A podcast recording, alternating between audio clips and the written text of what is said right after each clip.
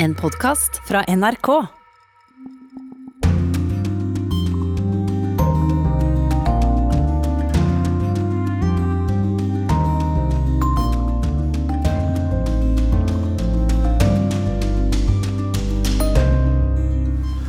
Uigurer bosatt i Tyrkia overvåkes og er engstelige for å bli sendt til Kina.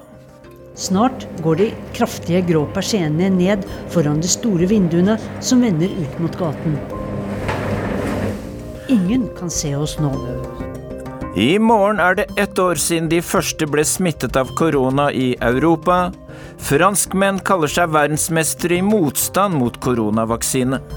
Jeg préfère euh, mourir à cause Covid qu'à cause du vaccin. En fait. Jag föredrar att dö av covid-19 än att dö av ett coronavaccin som någon vill tjäna pengar på, sier Ouabi, en polismann på Avenue de l'Opéra i det sentrale Paris. Uenighet i Nato om alliansens styrker skal trekkes ut av Afghanistan. Hvis utlendingene ikke drar nå, vil de se en krig de ikke har gjort på 20 år, er beskjeden fra Taliban. Hør historien om kvinnen som forhandlet om lønn med president Putin på direkte TV. Hvis noen prøver å lage problemer for deg fordi du har sagt fra om de lave lønningene, så kan du ringe direkte til meg, sa president Putin til forskeren i Novosibirsk. Det er nok svært mange russere som gjerne ville hatt den muligheten. Vel møtt til Urix på lørdag, jeg heter Dag Bredvei. Vi starter i Bosnia. Landet har fått kritikk fra EU og fra menneskerettsorganisasjoner for den hardhendte måten myndighetene der behandler flyktninger og migranter på. Also, those that are not eligible for asylum and not eligible to stay are still human beings. And as human beings, you have rights and dignity. And even if you don't have the right to stay, you have the right to be treated according to uh, your rights and dignity. Selv personer som ikke har rett til opphold er mennesker og må behandles med verdighet. Det sa EUs kommissær for innenriksforhold Ylva Johansson da hun gjestet Sarajevo i går. Roger Severin Bruland, du var i flere leirer i Bosnia i går, og hvordan ser det ut der? Ja, De snakker jo om en slags apartheid-system, der de som er migranter der, ikke får lov til å ta bussen. De får ikke lov til å gå på butikken, de får ikke lov til å gå og ta seg en kaffe, de får ikke lov til å legge seg inn på hotell. Eh, Så det er jo eh, en side av saken. Eh, Og så er det jo det at de hele tida prøver å gå inn i nabolandet Kroatia for å komme seg videre inn i EU. Og Der blir de jo banka opp hvis du blir tatt av politiet, og det skjer jo ganske ofte. Jeg har jo snakka med folk som har prøvd å krysse den grensa 30-40 ganger. De blir banka opp, de blir tatt fra eiendeler, telefon, og deportert tilbake med buss, men gjerne den men gjerne langt ifra der de bor, slik at de må likevel gå tre mil for å komme seg tilbake. Og det er jo det de kaller uh, the game, altså det der med at eh, spillet Vi, vi leker katt og mus med, med kroatisk politi. Og det kan jeg jo si at eh, eh, ja, greit nok, men eh, det, som ble, det som ble sagt også i det lydkuttet, er jo det at ja, dere kan jo ta dem, ikke sant, arrestere dem, men dere trenger liksom ikke å, å behandle dem så uverdig. For jeg så veldig mange personer eh, i Bihać som hadde brekt ei hand og hadde blåmerker, rett og slett fordi at de hadde blitt banka opp. Og, og det er jo ikke noe et EU-land kan være bekjent av. Det er full vinter også, det gjør situasjonen ekstra vanskelig for de som er på flukt. Ja, vi hadde jo en sånn Moria-situasjon i Bihać eh, på julaften, der eh, en stor flyktningleir eh, brant ned. Og det gikk jo en måned før de fikk bygd opp igjen, slik at en kunne ha varme forhold. De snakka med en lege der som sa at det var veldig mange som var frosne, som hadde fått eh, luftveisinfeksjoner pga. det her. Og nå var jeg og besøkte eh, en leir som var gjenoppbygd, så det, det har jo skjedd liksom Den brannen skjedde julaften, og nå begynner den leiren å, å fungere igjen. Så det har jo tatt veldig mye lengre tid enn Moria-leiren. Og det har jo litt med at eh, den forsvant litt ut av mediebildet. Det var ikke så det ble ikke slik, eh, altså, en så stor medieevent, og, og derfor har det tatt lengre tid, rett og slett. Så Eh, det, og det er jo mange som velger å bo utenfor eh, disse leirene fordi de ikke føler seg trygge der. For det, det skjer voldshendelser, og, og, de føler seg ikke bra der. Så det er jo det er mange som bor ute i en skog, i forlatte bygninger. Så det er jo migranter og flyktninger over hele dette her, den regionen Bihac i, i det nordlige Bosnia, mm. som, som sitter og venter på på å, å, å, prøve å ta seg over grensa til Kroatia, Østerrike og så inn, inn, i EU. Ja, takk skal du ha, Roger Severin Bruland, direkte med i Urix på lørdag. I flere år har uigurene i Tyrkia følt at president Erdogan har tatt spesielt godt vare på dem, men nå er Tyrkia i ferd med å vedta en utleveringsavtale som betyr at uigurene kan sendes tilbake til Kina. NRK har truffet to uigurer i Istanbul. De frykter ikke bare utleveringsavtalen, men også spionene blant sine egne. Sissel Wold har sendt oss denne reportasjen. I en liten mobilbutikk treffer vi dem, to uigurer som har slått seg ned her i Istanbul. Den ene er intervjuobjekt, den andre er tolk. Ingen av dem vil at vi skal bruke navnene deres, så vi kaller dem Yusuf og Mehmet. De vil ikke risikere problemer med tyrkiske myndigheter, eller spioner blant deres egne, nå som ting strammer seg til. Før vi begynner opptaket inne i den lille butikken, finner Mehmet frem en fjernkontroll. Snart går de kraftige grå persiennene ned foran de store vinduene som vender ut mot gaten. Vi sitter på hver vår hvite plaststol, og Mehmet har akkurat servert uigur-te med blomster i. Yusuf er en ung mann som bor i Istanbul med kone og et lite barn. Resten av familien i Kina har ikke han hatt kontakt med på fire år. Det siste han vet om faren, var at han ble tatt med til avhør i Xinjiang-provinsen, som uigurene kaller Sharki-Turkistan, Øst-Turkistan. Deretter mottok Josef farens dødsattest. Hvor tror han resten av familien er nå? Jeg vet ikke, men kinesiske myndigheter kan ha tatt mor og broren min til en av leirene. Og om de ikke er i en leir, kan de uansett ikke snakke fritt eller leve et vanlig liv. Det er kameraer overalt, og de overvåkes hele tiden, sier Yusuf. Det var grunnen til at han dro til Tyrkia. Det var da uigurske nasjonalister sto bak en rekke terrorangrep for en del år tilbake, at Kina slo knallhardt tilbake mot hele Kinas muslimske minoritet. Med omskolering skulle uigurene tvinges til å bli gode kinesere og kommunister. Tidligere har NRK snakket med uigurer som har fortalt hvordan de ble hjernevasket og torturert i omskoleringsleire slik at de skulle glemme identiteten og religionen sin. Nå bor rundt 40 000 uigurer i Tyrkia, de fleste i Istanbul. Tyrkia har forsøkt så godt de har kunnet å gi oss trygghet. Andre muslimske land var ikke like rause. De kastet ut uigurene i 2017, sier Josef.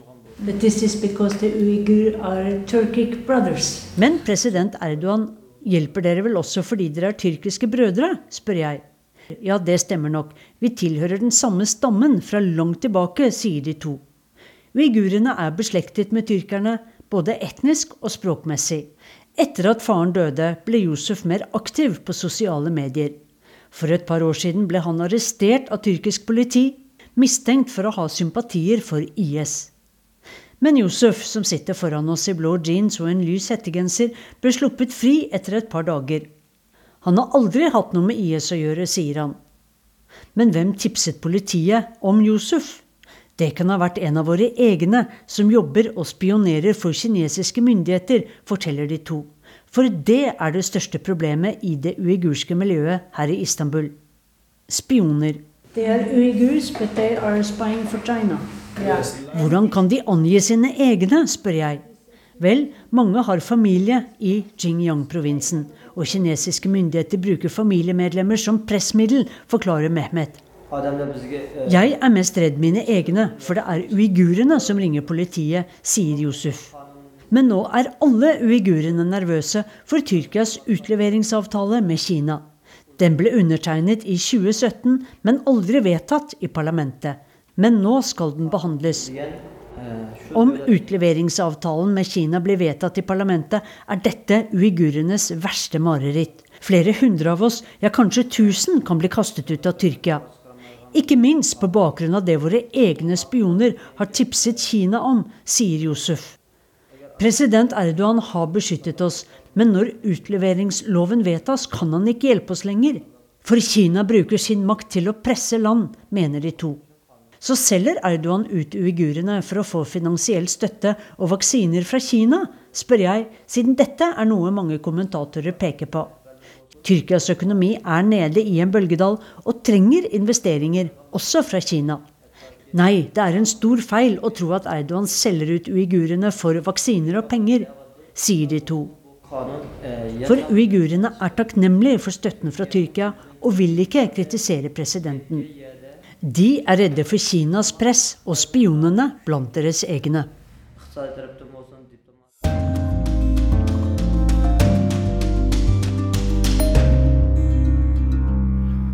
I morgen er det ett år siden Europa fikk sitt første tilfelle av koronasmitte. Det skjedde nord i Italia, der flere byer opplevde å bli stengt ned. En familiefar i den lille byen San Fiorano har dokumentert hvordan det siste året har vært. Marit Kolberg har laget denne reportasjen. Ei lita jente sitter på gulvet utenfor døren. Hun skyver en tegning hun har laget inn under dørsprekken.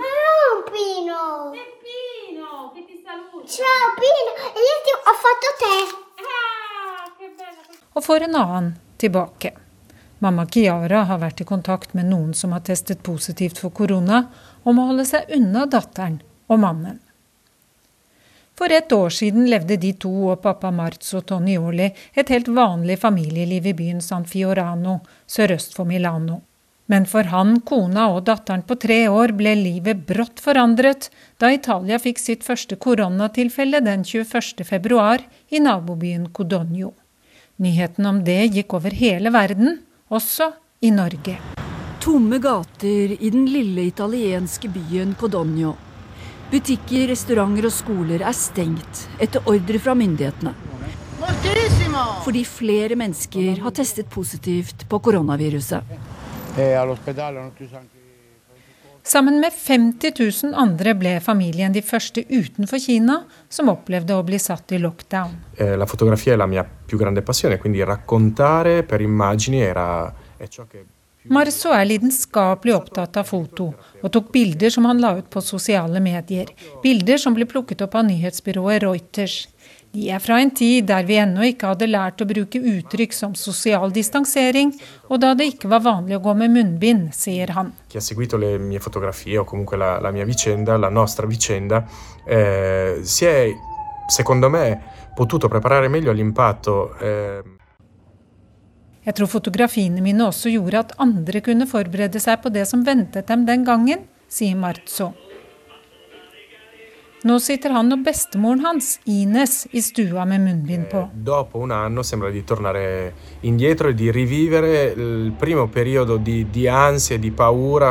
e eh. Det er som å gjenoppleve den første tiden der vi var så urolige. Det er som å ha blitt satt ett år tilbake i tid, sier Marzo. Bare at nå har Italia gått over 90 000 registrerte koronadødsfall. I perioden fra mars til november i fjor hadde landet en overdødelighet på nærmere 50% viser tall fra Eurostat. Foreldrene til Bianca er lærere begge to, og de sto derfor litt foran i den italienske vaksinekøen. Men nå må de vente og se om Chiara er smittet, så vaksineringen er utsatt. Chiara får maten levert utenfor døren. Lille Bianca setter seg utenfor med sin tallerken for å spise risotto sammen med mamma. De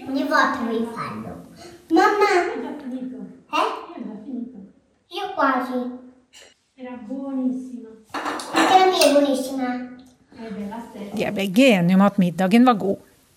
I mai blir Bianca fire år. Da har hun levd med korona rundt seg i nesten en fjerdedel av livet sitt.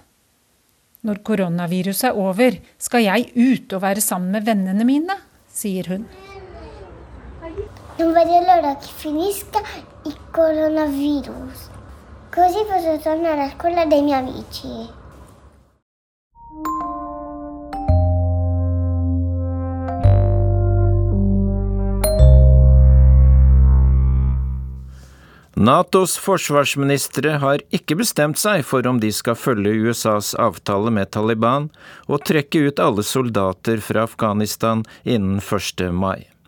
Det ble klart under forsvarsministermøtet som ble avsluttet torsdag. Vår reporter Gro Holm har mer.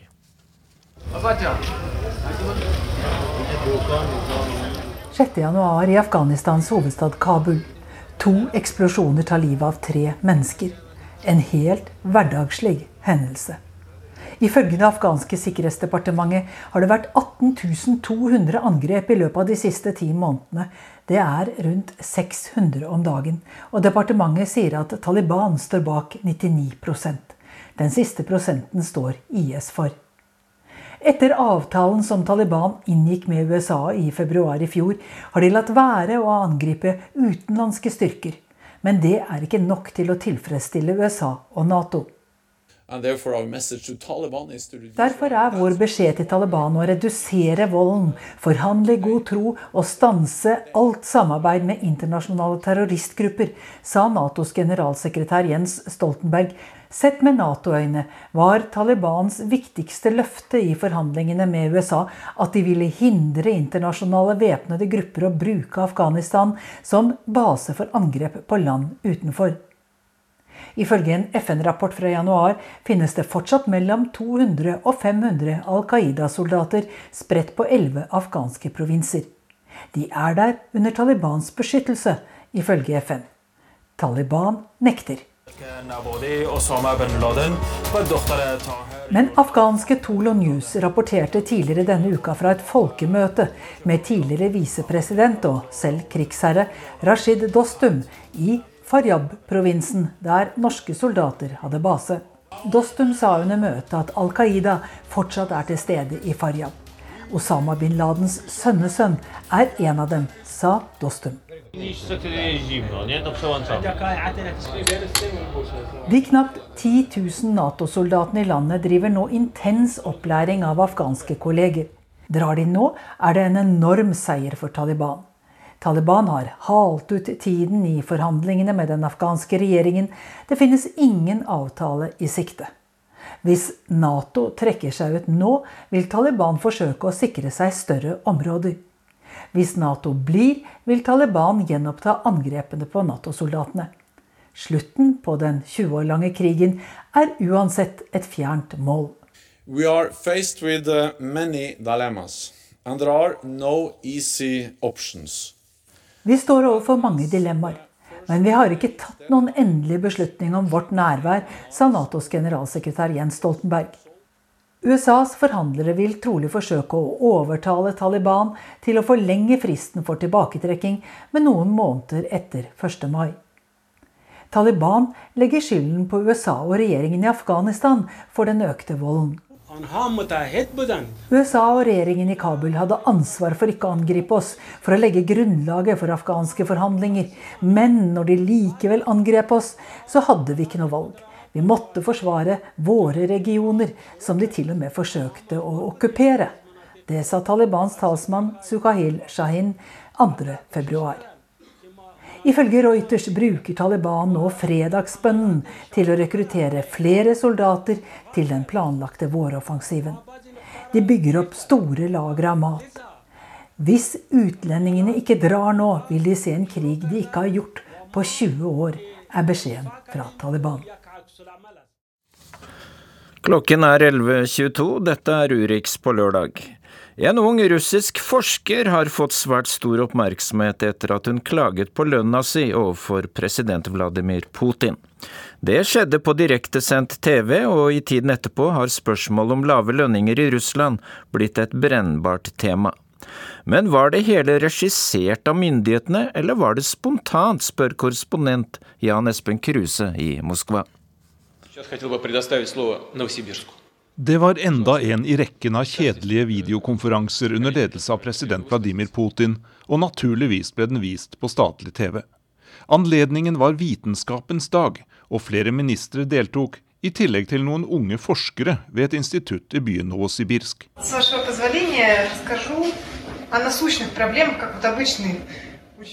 presidentens tillatelse vil jeg gjerne fortelle litt om de mest aktuelle problemene som vi vitenskapsfolk står overfor nå, sa den 35 år gamle mikrobiologen Anastasia Praskorina. Og hun kastet ikke bort anledningen med tomprat. Hun gikk hodestups inn i lønnsforhandlinger med landets leder.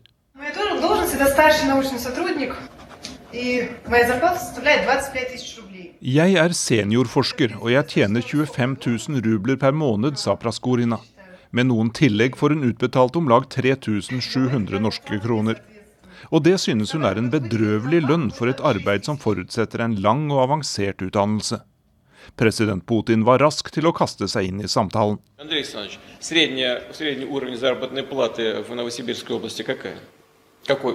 Putin henvendte seg til finansministeren for å finne ut hva den gjennomsnittlige lønna i Novosibirsk fylke er. For en tid tilbake bestemte presidenten at russiske vitenskapsfolk skulle få det dobbelte av gjennomsnittslønna. Det ble dermed klart at forsker Anastasia Praskorina skulle hatt om lag 9000 kroner i månedslønn, og ikke 3700. Men hvor hadde det blitt av pengene? Den russiske finansministeren kunne fortelle at pengene hadde blitt sendt fra Moskva og ut til de russiske regionene. Men ifølge universitetet der Praskorina arbeider, hadde de ikke mottatt noen ekstra penger for å følge opp presidentens ordre. Et eller annet sted hadde pengene blitt borte. Men hvem hadde eventuelt stjålet av lasset? Dette ble en sak som store deler av den russiske befolkningen interesserte seg for.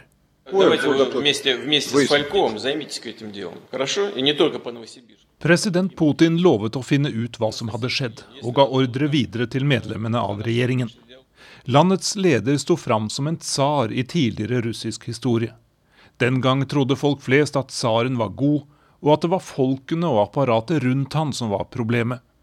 Bare man fikk lagt fram sin sak for tsaren selv, så ville det bli orden på tingene.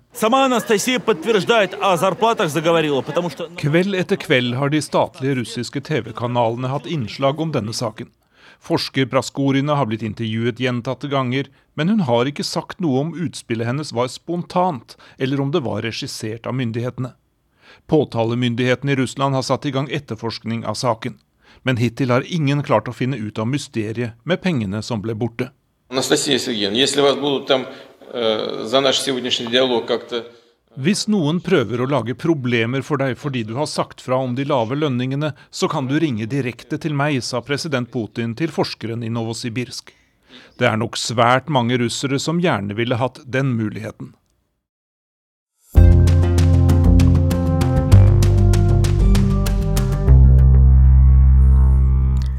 I Frankrike øker skepsisen mot å ta koronavaksine. Til nå er tre millioner av de 67 millioner innbyggerne vaksinert. Enkelte franskmenn kaller landet sitt for verdensmestere i motstand mot koronavaksine. Reporter Johan Tolgert har sendt oss denne reportasjen fra Paris.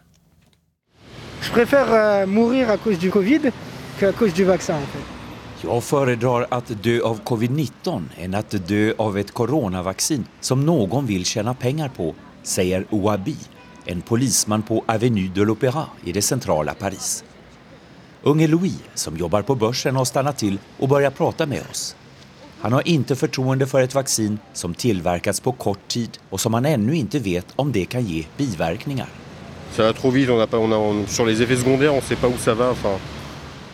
Kring nyårsskiftet kallade man i dagstidningen Le Parisien fransmännen för världsbäst i kategorin motståndare till coronavaccinen. Även om skepticismen minskat lite sedan dess vill cirka en tredjedel fortfarande inte vaccineras i Frankrike. Siffran är mycket högre här än i andra länder.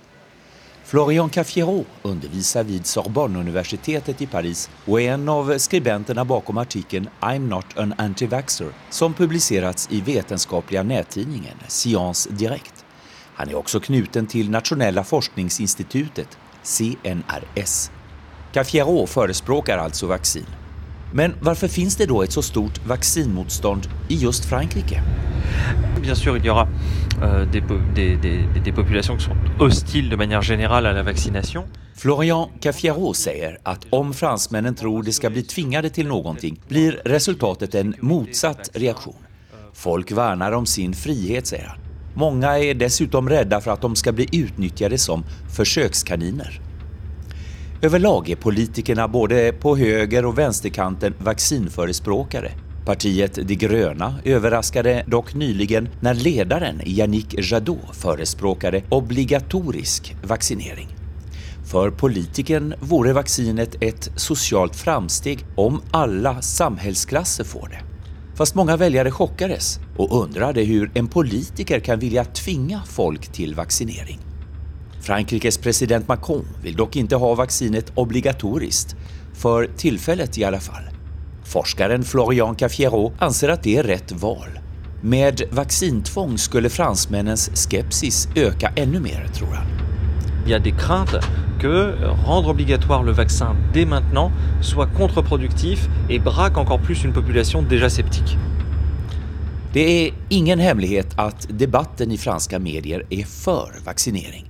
Det anser Jean-Pierre Audier, chef för franska sektionen av EFVV, European Forum for Vaccine Vigilance. Organisationen har representation i över 25 länder. Det är nästan så att man orättvist pekar ut oss vaccinskeptiker för terrorister. Yttringsfriheten går åt fel håll, menar han. C'est comme si on nous, on nous qualifie de terroristes. Nous ne sommes ni des terroristes, nous sommes des gens qui sommes responsables. Jean-Pierre Eudier är tandläkare och har arbetat under 40 år i Afrika. Han har alltså jobbat på en kontinent som härjats av aids, ebola och andra virus. För ungefär ett år sedan var han själv allvarligt sjuk i corona, men har blivit frisk. Vaccinet får aldrig bli obligatoriskt. Det vore att kränka mänskliga rättigheter, menar han.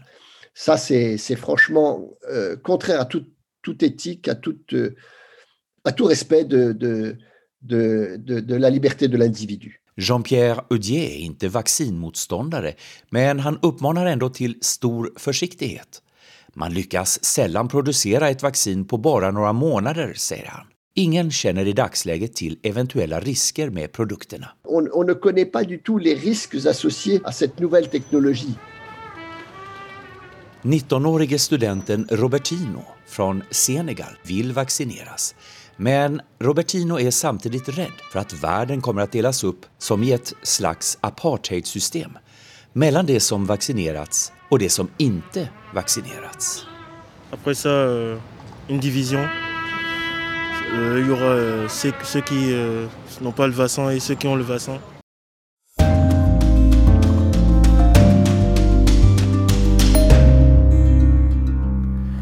Det er tid for å åpne ukens korrespondentbrev. Mange amerikanske skoler har holdt stengt i snart et år. Det fører til at skjermbruken til barn øker dramatisk.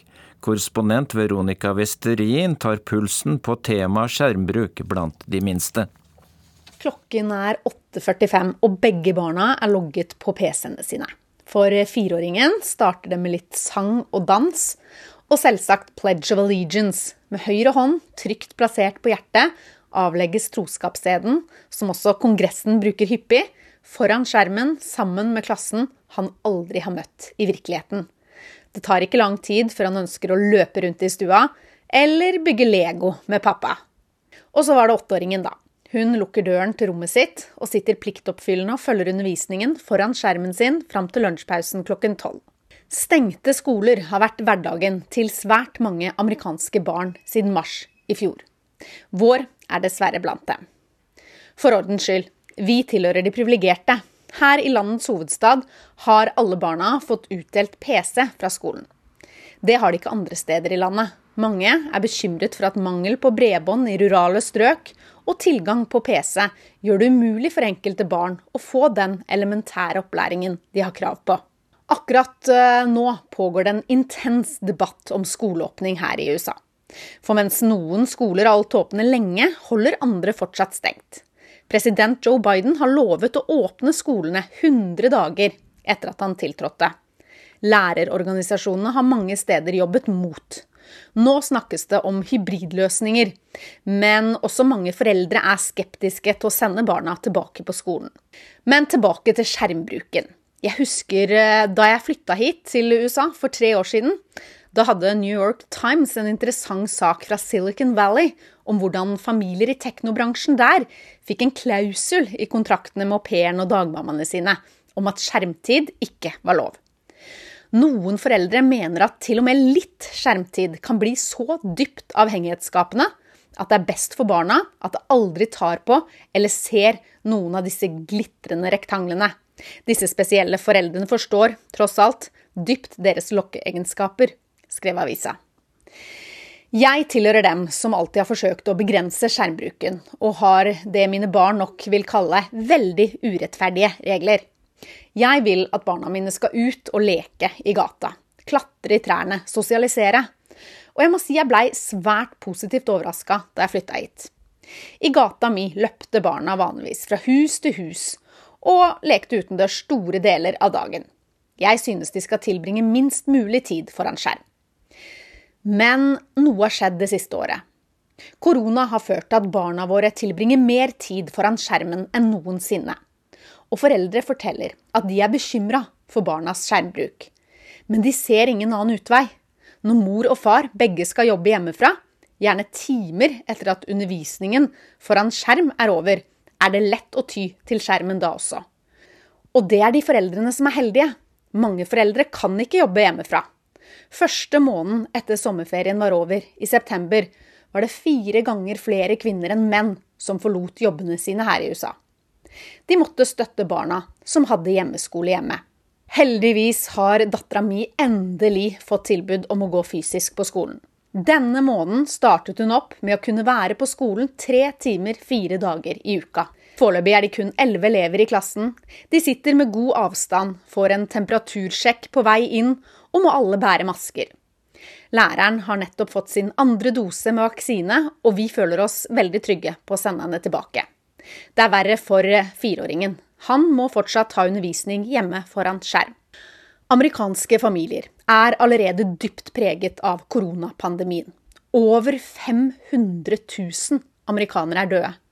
Når vi snakker med naboer om hvordan det går, svarer de ikke lenger 'jo takk, bare bra', slik vi er vant til at amerikanere flest gjør. Responsen er nå 'oh well, hanging in there', eller 'det går', eller noe i den dur. Noen av dem har mistet en mamma. Andre har ikke sett familiene sine på over et år. Jeg tror denne perioden kommer til å prege USA i mange tiår fremover. Barna mine tilhører en generasjon som har vokst opp med en nettbrett. Selv har mine barn hatt tilgang på det fra før de kunne snakke og gå. Ingen vet hvordan perioden vi nå er inne i, vil påvirke dem i framtida. Forskning fra NTNU har vist at høy skjermbruk kan hemme barns utvikling. Og skjermbruken bekymrer også meg. Jeg skal innrømme det. Jeg er ikke noe godt forbilde selv. Jeg hater rapporten som ukentlig kommer om skjermbruk, og tør knapt se på dem. Men barna mine? Nei, jeg vil ikke at de skal bli sånn. Hadde de selv fått bestemme, hadde de sittet foran skjermen store deler av sin våkne tid.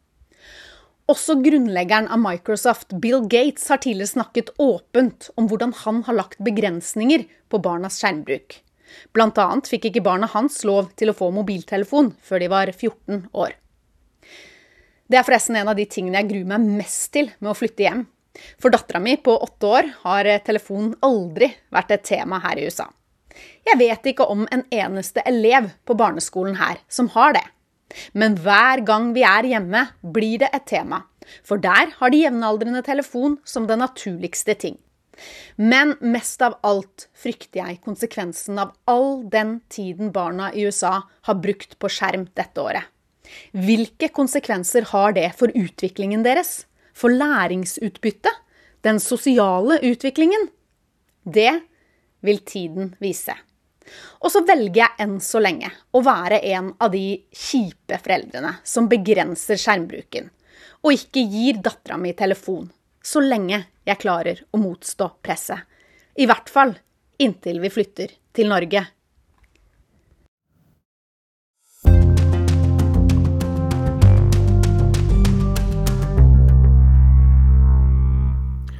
Nå til Urix-serien Krig og fred ved Tove Bjørgaas og Tore Moland. Hvordan vil Joe Biden gå i fotsporene til president Franklin D. Roosevelt når han nå skal prøve å redde amerikanerne ut av stillstand og pandemi, spør de. Mens republikanerne har bestemt seg for å gå videre i fotsporene til Trump, prøver Joe Biden å plassere skoene sine i de store fotavtrykkene til en annen tidligere president. En mann som satt i rullestol i Det hvite hus, men som likevel klarte å regjere lenger og endre mer enn alle de andre som har bodd der. The only thing we have to fear is fear itself.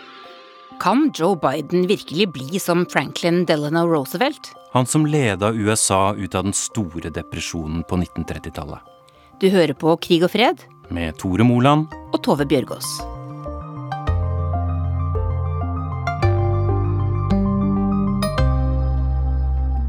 Did you ever think you'd see people lining up in their automobiles for an hour or for as far as you could see to get a bag of food?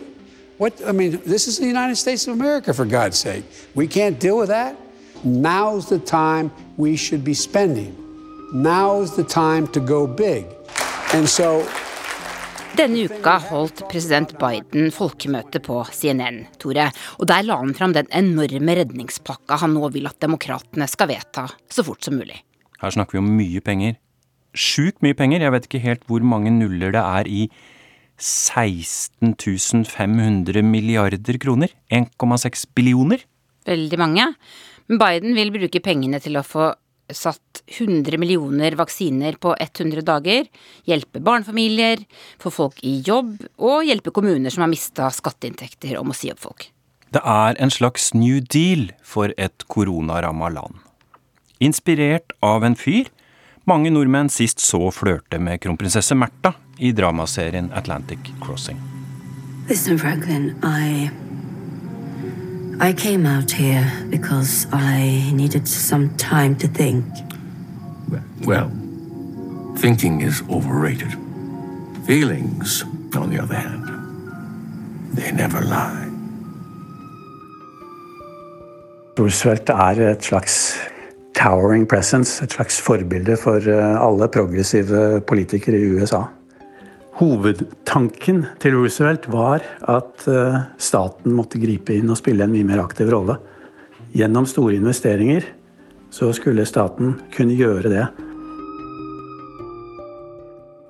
Mitt navn er Espen Hammer. Jeg jobber som eh, professor i filosofi ved Temple University i Philadelphia i USA spesialiserer meg innen sosialfilosofi og politisk filosofi, har nylig skrevet en bok med tittelen 'USA en supermakt i krise'.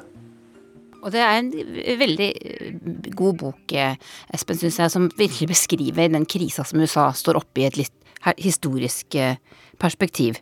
Eh, syns du det er fornuftig å snakke om 1930-tallet når vi skal se hva som skjer i USA i dag?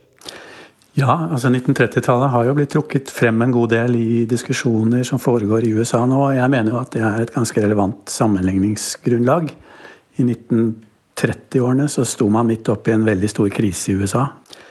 I depresjonsfasen, som jo startet i 1929 ved det store børskrakket i, eh, på børsen, ikke minst i New York, som forårsaket uh, hungersnød i store deler av USA. Uh, svært lite kapital. Ehm, nesten umulig å få noe lån. Ekstrem inflasjon. Og en nyfattigdom som USA ikke hadde sett eh, på mange generasjoner. Eh, så det var en krise. Og sammenligningen er jo selvfølgelig at eh, den progressive fasen i USAs politikk fram til fra begynnelsen av 30-årene og fram til 60-årene begynte jo uh, i kjølvannet av denne krisen. Og folk sammenligner jo da, i hvert fall til en viss grad, det man står overfor nå, hvor Biden i viss forstand foretar grep som ikke er så fullstendig ulike de som Roosevelt foretok da han ble president i 1933 og initierte, eller satte i gang da sin uh, New Deal, som var en um, omfattende um, affære hvor han klarte å få demokratene, han var selv demokrat, og republikanerne til å samarbeide om reformer eh, og også store eh, investeringer i amerikansk økonomi. Og skapte en sosialpolitikk som forandret både det amerikanske samfunn, reddet på mange måter USA ut av depresjonsfasen.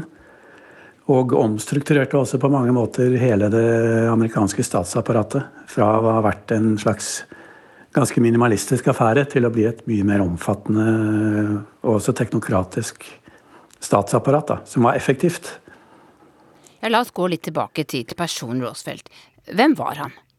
Han vokste opp i en relativt aristokratisk familie i amerikansk sammenheng. Han hadde tidlig et, eh, en ambisjon om å nå langt i politikken. Han uh, forsøkte seg på ulike, ulikt vis på 20-tallet, bl.a.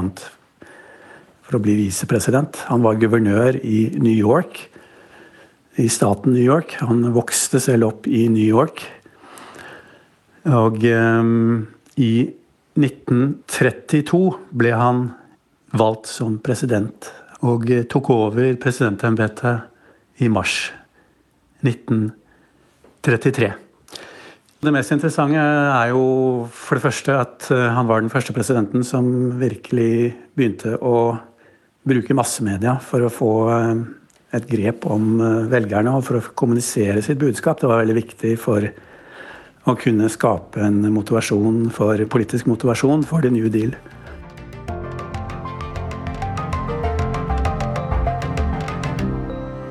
Three months, my friend, since I have talked with the people of this country about our national. Da Roosevelt flytta inn i Det hvite hus i 1933, var mange amerikanere traumatisert av depresjonen som starta med børskollaps i 1929.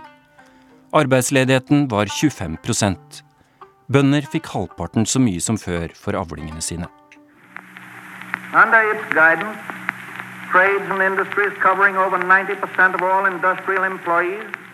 Noe av det første Roosevelt gjorde, var å sette seg foran peisen med en mikrofon. The Fireside Chats ble de kalt. Peispraten. Radiotalene han holdt til det amerikanske folket. Der forklarte presidenten hvordan banksystemet hang sammen, og hvordan staten kunne skaffe folk jobb.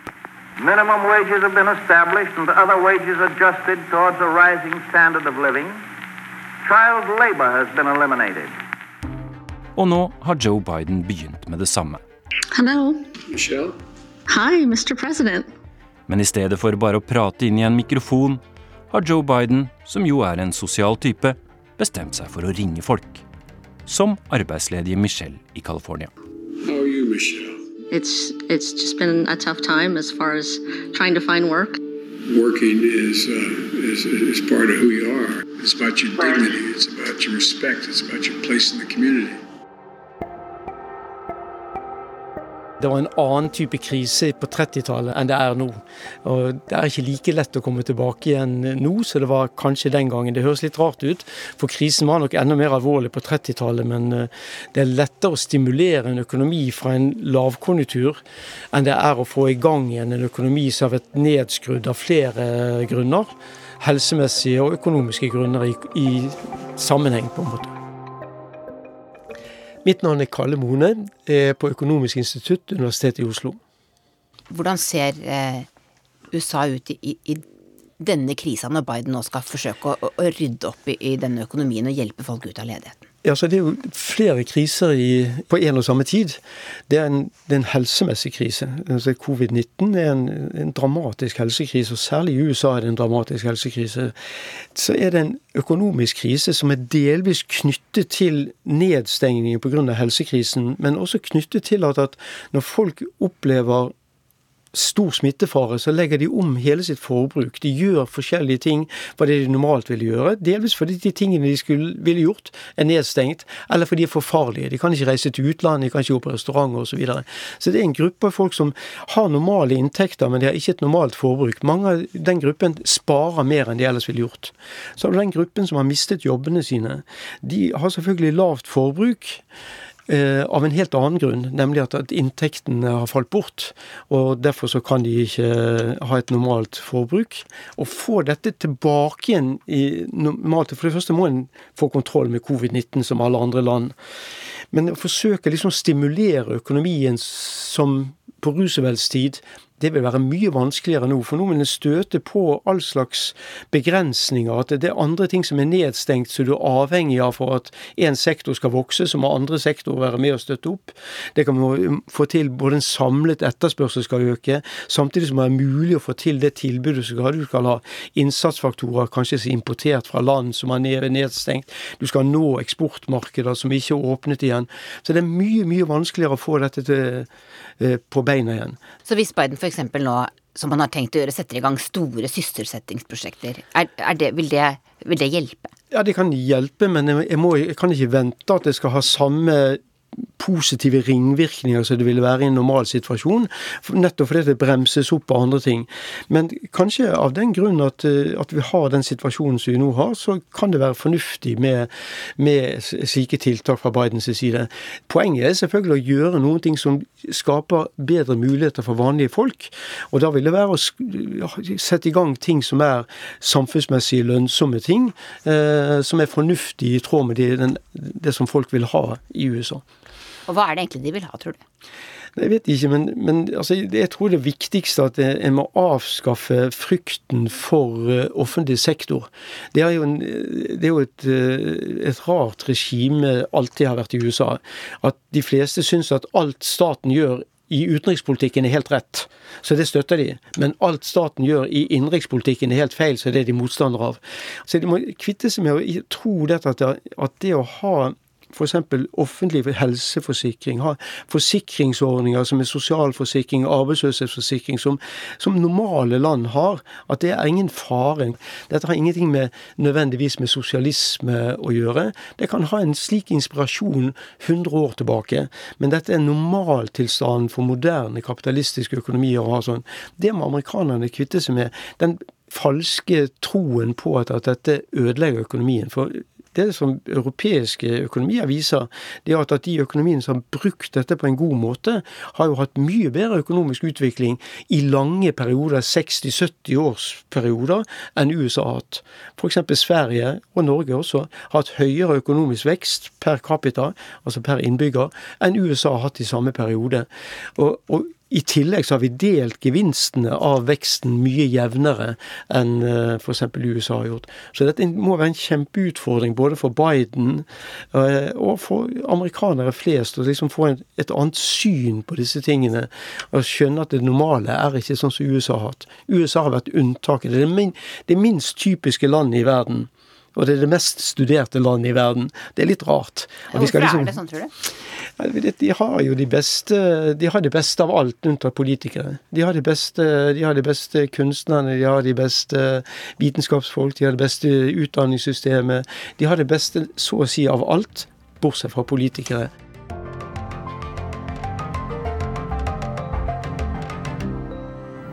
Many families moved together at the time of the Depression, especially young married couples who had just started their own homes En kvinne fra Pennsylvania forteller hvordan hun husker de harde 30-åra. Hvordan naboene hennes måtte flytte sammen med andre familier for å ha råd til mat. One thing I can remember that uh, we had five children in my family. I was the fourth or fifth, and we never were allowed to eat a full banana. I, I was probably 30 or 35 years old before I would eat a whole banana. We would eat half a banana and you always left some for your brothers and sisters. Jeg husker at jeg måtte dele en banan med de fire søsknene mine. Jeg tror ikke jeg spiste en hel banan før jeg var mer enn 30, forteller et annet tidsvitne. President Roosevelts New Deal var en serie offentlige programmer og sysselsettingstiltak på 1930-tallet. Da andre verdenskrig starta, hadde USA en større velferdsstat enn mange europeiske land, takket være FDR.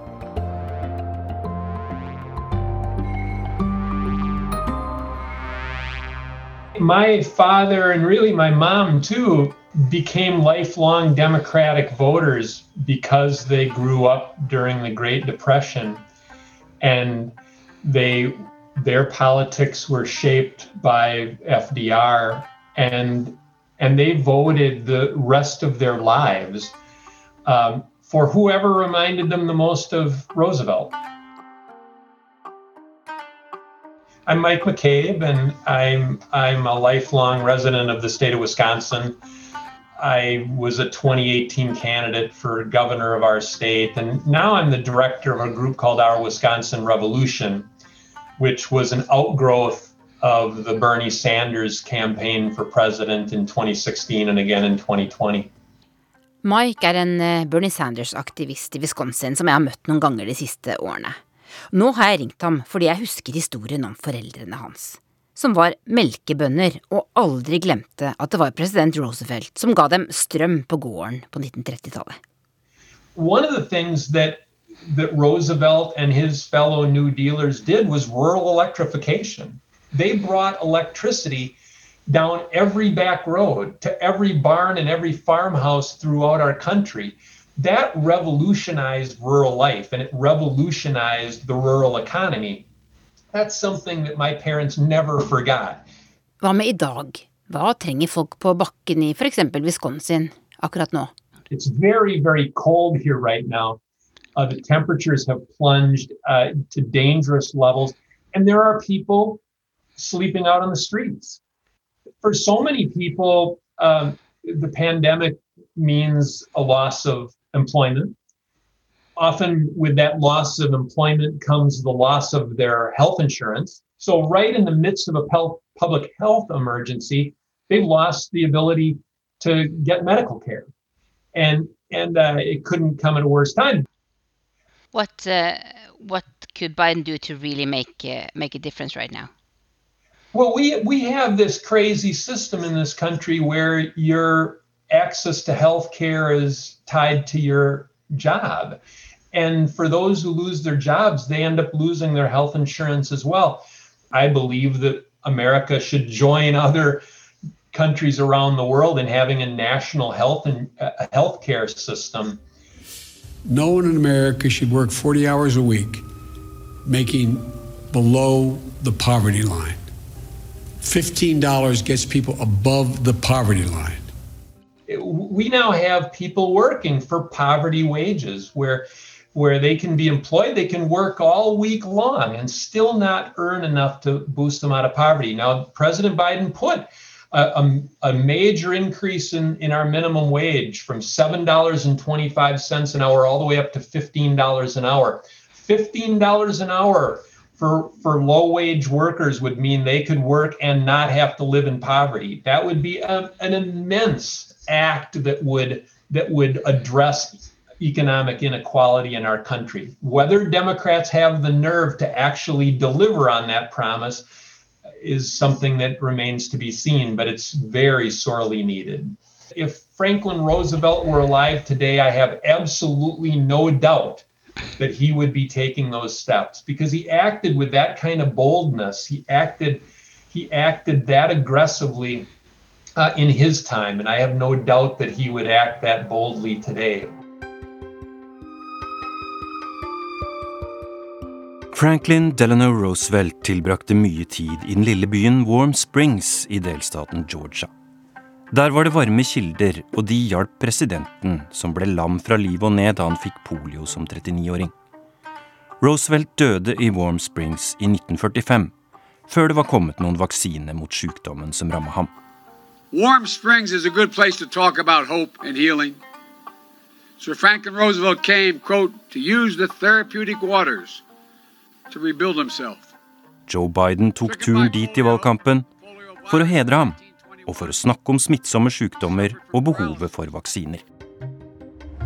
En annen eh, likhet, Espen Hammer, eh, mellom 1930-tallet og det vi opplever i dag, er jo at også på 1930-tallet så var eh, høyreekstreme partier i sterk vekst i, i mange land. Ja, altså dette er noe som ikke er så veldig kjent, men på 30-tallet i USA så var det mange høyreekstreme miljøer som til, til, en viss grad i hvert fall kan minne noe om de høyreekstreme bevegelsene man, har, man, ser i USA i dag. Det var selvfølgelig Ku Klux Klan som faktisk spilte en ganske stor rolle, ikke bare i sørstatene, men også lenger nordover og på østkysten. Men det var også mange mindre grupper som eh, hadde fascistiske islett, som ønsket en veldig sterk autoritær leder som hadde null forpliktelser overfor et vanlig liberaldemokratisk eh, styre i USA. Eh, jeg tror at det er en parallell mellom 30-tallet og, og, vår tid. Hvis man skal være litt kynisk, da det, kan det på noen måte være gode nyheter for Biden at det er et sånt uh, kaos på den andre siden? At han kan få gjort mer i det stille mens republikanerne krangler med hverandre?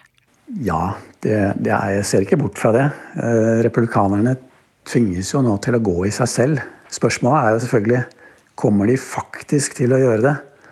Eh, for alle jakttagere så virker det som om det er det de må gjøre nå. De må ha en intern debatt i partiet hvor de vil gå videre hen etter Trump-perioden. Om de ønsker å fortsette på den kursen de var på under Trump, eller om de ønsker å bli mer moderate.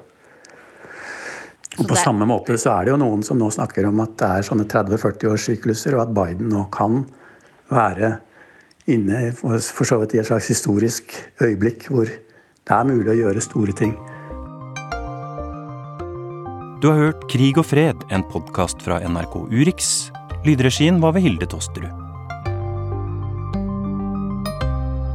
It's time for boldness, for there's so much to do. Will we master this rare and difficult hour? Will we meet our obligations and pass along a new and better world to our children? I believe we must. I'm sure you do as well. I believe we will. Urix på lørdag 20. februar er slutt. Teknisk ansvarlig Finn Lie, produsent Katrine Nybø og jeg, Dag Bredvei, takker for følget og ønsker dere alle en fortsatt fin helg.